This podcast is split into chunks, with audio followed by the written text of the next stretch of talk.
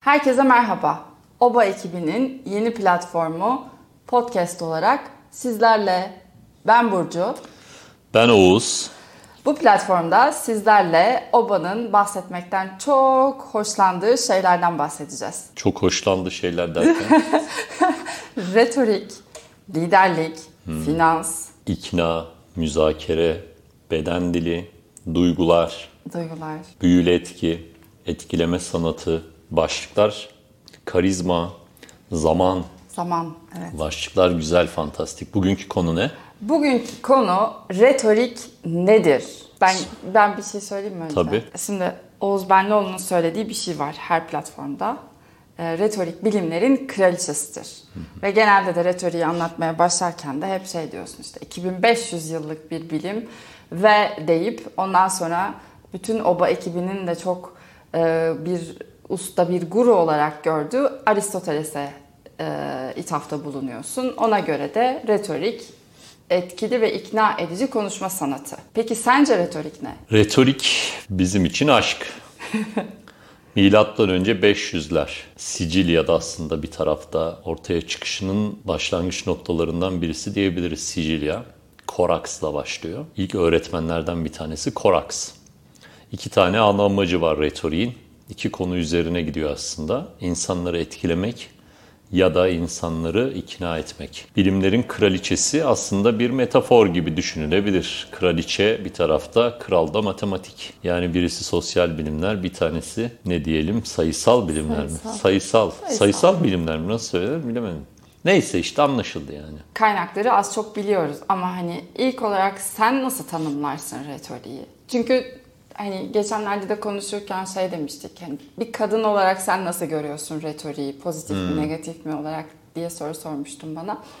Ve ben de aslına bakarsan en sevdiğim retorik tanımlarından biri olan Francis Bacon'ı verdim sana örnek. Ve dedim ki retorik Bacon'a göre neydi? İrade yani başkasının iradesi üzerinde e, bir etki sahibi olabilmek için kendi hayal gücün üzerinde bir mantık hareketi aslında.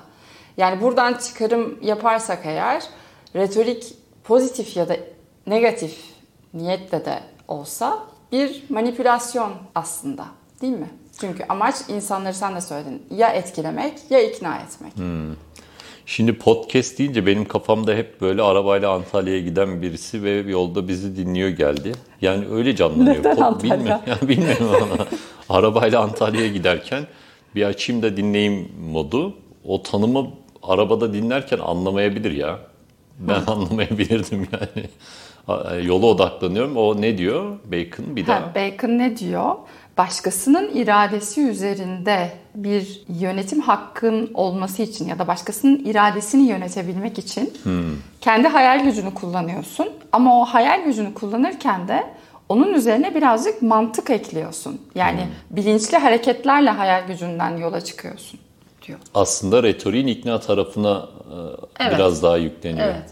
İkiye ayrılıyor dedik ya etkileme bir tarafta ikna bir tarafta etkileme de wow işte Burcu çok iyi ben çok etkilendim ya da Oğuz çok etkiledi beni falan var. İkna tarafında da bizim sunduğumuz ürün, hizmet, fikir ne olursa olsun onu karşı tarafın tamam deyip kabul etmesi, satın alması gibi düşünebiliriz ikna tarafı argüman ağırlıklı bir yer. Argümanlar inşa ediyorsun, bununla ilgili veriler sunuyorsun falan. Aristoteles zaten girişte söyledin ya, retoriğin babası yani retorik üzerine kitap yazmış. Ve o kitap şu an e, İş Bankası yayınları ve Yapı Kredi yayınlarında var. Alıp okunabilir. Okudun mu? Yok henüz yani. Okumadım sallıyorum buradan bol kesen. Okudum tabii ki. Yedi kere okuyacaksın. Neden? Gizem katmak için yedi diyorum. yedi kere okuyunca iyice özümsersin diye. Zaten ilk bir iki okuman da çok anlaşılmıyor. Dili biraz akademik gibi gelebilir. Hafif ama eğer retorikle ilgili bir şeyler yapıyorsan ilk bakman gereken yer Aristoteles olacak. Ben başka bir şeye döneceğim. Tabii. Ee, şimdi biz bunu hem konuşurken aslında tartışıyoruz seninle hem de YouTube geçenlerde çektiğimiz bir YouTube'da da konuştun. E, hep ya ya da diyorsun. Etkileme ya da ikna etme. Hmm. Ama ben ikisinin aynı anda olduğunu ya da önce birinin sonra yani aslında önce etkilemenin sonrasında da iknanın geldiğini düşünüyorum. Ee, ikisinin arasında ciddi bir fark var mıdır? İkisinin arasında seçmen gereken bir hani pozisyon var mı gerçekten? Şimdi ikisini 50-50 yapman çok mümkün değil. Dediğim gibi etkilersin bırakırsın, ikna edersin bırakırsın. Gizli ajandan ikna etmektir. Etkilersin. Zaten insanlar senden etkilenince senin söylediğin herhangi bir şey kabul etmeye daha meyilli olurlar. Sonra ikna aşamasına geçebilirsin. En ideali de budur. Eskiden ikna önemliymiş yani. Argümanlarını sunuyor, ikna ediyor, bırakıyor. E şimdi günümüzde etkileme daha ön planda. İşte bunu kimler yapıyor? Liderler yapıyor, siyasetçiler yapıyor, ekiplerini yöneten yöneticiler yapıyor. Önce etkilemen gerekiyor. Etki, etki, insanlar günümüzde etkilenmek istiyorlar. Sosyal medyada da öyle değil mi? Bak herkes birbirini etkilemek için filtreler kullanıyor. Gerçek hayattakinden tamamen farklı birine dönüyor. Orada like'ları alıyor. Bir etkileme kısmı çok daha ön planda. O yüzden senin arka planında belki ikna olabilir ama etkileme kartını çekip iknayı sonradan sunmak çok akıllıca görünüyor günümüz için. Peki yani siyasetçiler hep ikna kartını mı çekerler? Ya da ben bir hani e, üst düzey yönetici ya da bir şirkette çalışıyorum ve benim yaptığım konuşmalar ya da sunumlar hep ikna üzerine midir? İkna üzerine çok yüklenerek gidersen biraz sıkıcı görünebilirsin. Yani bir yerden sonra insanlar daha duyguya dokunulmasını bekliyor olabilirler. Dedim ya ikna argümanla çok e, bağlantılıdır. Argüman da biraz sıkıcılıktır aslında. Yani daha veriler, daha e, adım adım bir iddia ortaya atarsın, o iddianın açıklamasını yaparsın falan gibi. Dolayısıyla biraz sıkıcı birine dönebilirsin. Daha duyguya dokunmak istiyorsan etki. Etkinin içerisinde üzerindeki kıyafetten, saç stiline, kolundaki saatten, kullandığın çantaya kadar duruşun, elin beden. kolun, beden dilin bunların her biri geçerlidir. Aslında retoriğin tamamına baktığımızda üç parçaya ayrılır. Verbal, kullandığımız kelimeler, sözler, argümanlar bunun içerisine girer. Non-verbal beden dilimiz, kıyafetimiz, dış görünüşümüz, yüzümüzdeki duyguların mimiklere yansıması gibi ve paraverbal yani ses tonumuz, sesimize ahenk katmamız, duygularımızı sese yansıtmamız, inişler, çıkışlar, herkes öldürür sevdiğini, Tuncel Kurtiz. Bunlar Bunlar da paraverbal oluyor. Bütün bunlar öğrenilebilir ama yani sonrasında hani adım adım üzerinde çalışarak, pratik yaparak öğrenilebilecek hmm. şeyler. Yani doğuştan lahmacun ustası olunmaz, doğuştan mühendis olunmaz, doğuştan pilot olunmaz, doğuştan iyi bir konuşmacı da olunmaz. Şair doğulur, konuşmacı olunur.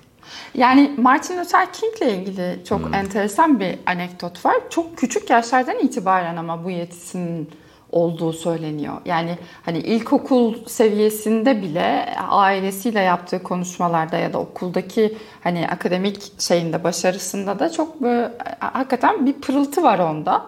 O zaman şey diyebilir miyiz? Hani bazı insanlarda bu gerçekten bir vergi, vergi mi deniyor? Yetiyle geliyor. Hmm. Ee, çalıştırırsan, üstüne daha fazla koyarsan parıldıyor.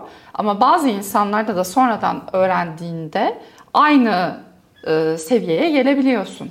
Bunun en güzel örneği Demosthenes. Benim en sevdiğim retor. Retor dediğimiz e, retorik konusunda master class seviye yani ustalık artık yani en iyilerden birisi.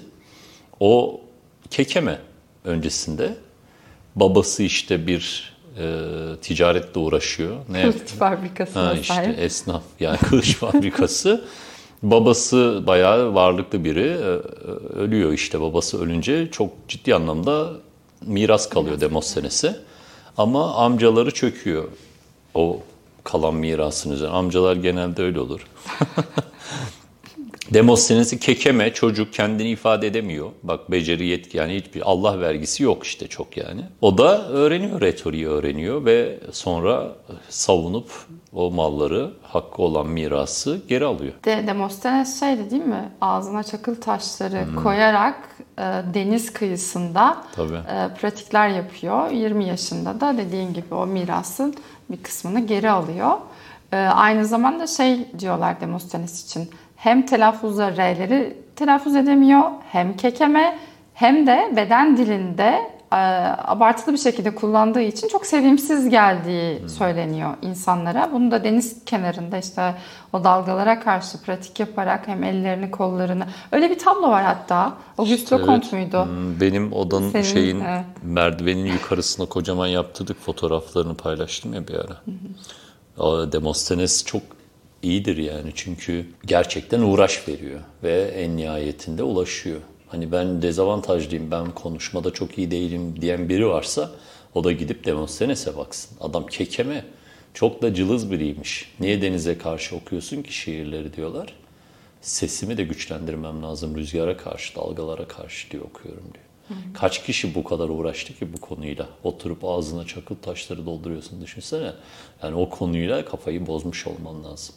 Ama kafayı bozduğunda hem hakkını geri alabiliyorsun, kendini iyi ifade ediyorsun hem de gelirin artıyor yani. Her yerde geçerli olabilecek bir beceri. Tamam olsun hocam ama şeyi hala böyle net ya da böyle bir hani e, özlü söz gibi söylemedin. Senin retorik tanımın ne? Pozitif mi negatif mi önce? Sonra sen nasıl tanımlıyorsun retoriği? Platon negatif tanımlıyor. Kandırma sanatı diyor. Aristoteles diyor ki insanları etkileme ve ikna sanatıdır diyor. Ben Aristoteles'e daha yakınım. Etkile, etkileme ve ikna edici konuşma sanatı. Benim tanımım da öyle olsun. Etkileme ve ikna edici konuşma sanatı. Dolayısıyla aslında bu kimin eline geçtiğiyle doğru orantılı. Retoriğin bir de kirli tarafı var tabii. Ona da manipülasyon diyoruz ya. İnsanları art niyetli bir yaklaşıma sahipsindir. Niyetin kötüdür. İnsanları bir şekilde alttan girer, üstten çıkar. Onları peşine takar götürürsün çıkmaz sokaklara sürükleyebilirsin yani. Anladım. Buradaki hata retoriğin değil ki yani bu bıçak da olabilir. Ya bıçağı alırsın, birini yaralarsın, bıçağı alırsın, domates dilimlersin yani. Sonuçta bıçak aynı bıçak. Domates, peynir de dilimlersin. Ama e, başka bir şeyde birine zarar da verebilirsin. Buradaki sorun bıçakta değil ki onu kullanan kişi de. O yüzden retoriğin kimin eline geç, geçeceği, geçeceği de önemli bir konu. Hmm, o zaman tarihin tozlu sayfalarından, liderlerden, böyle siyaset figürlerinden bahsederiz ileriki bölümlerde. Tabii kirli retorik deyince akla gelen kritik isimlerden bir tanesi de Hitler, Hitler. aslında. Yani 24 yaşında doğru dürüst bir arkadaşı olmayan, hatta insanlarla iletişim becerisi çok kötü biri gibi algılanırken bir zaman sonra Almanya'nın yarısından fazlası onun için ölmeye hazır hale geliyor yani. Nasıl oluyor bu iş diyorlar. Diyor ki insanları etkilemeyi öğretti bana Goebbels diyor. Onun propaganda bakanı Goebbels de. Retoriği öğretiyor yani. Zaten ondan sonra 2. Dünya Savaşı'yla retorik biraz yasaklanıyor.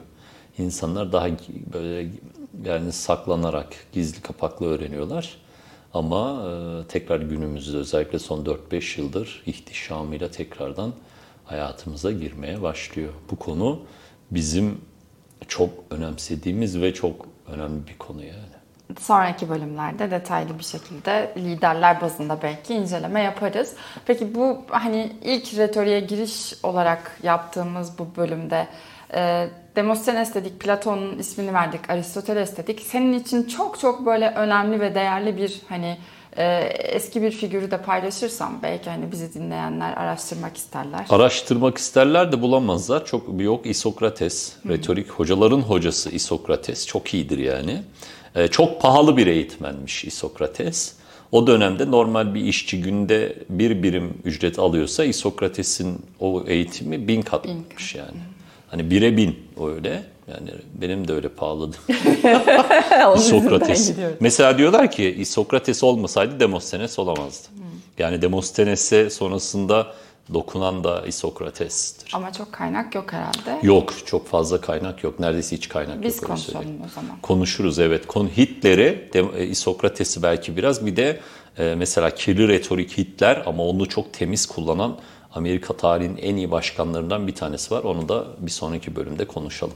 Evet, bu bölüm zaten bir girizgah bölümü olsun. Hı hı. Retorik nedir, bizim için ne ifade ediyor? Böyle ufak tefek şeylerden bahsettik. Bir sonraki bölümde daha detaylı konulara gireriz. Çok teşekkür ediyoruz efendim. Ben teşekkür ederim. Antalya'ya giden arkadaş da umarım yolculuk keyifli geçer. olur.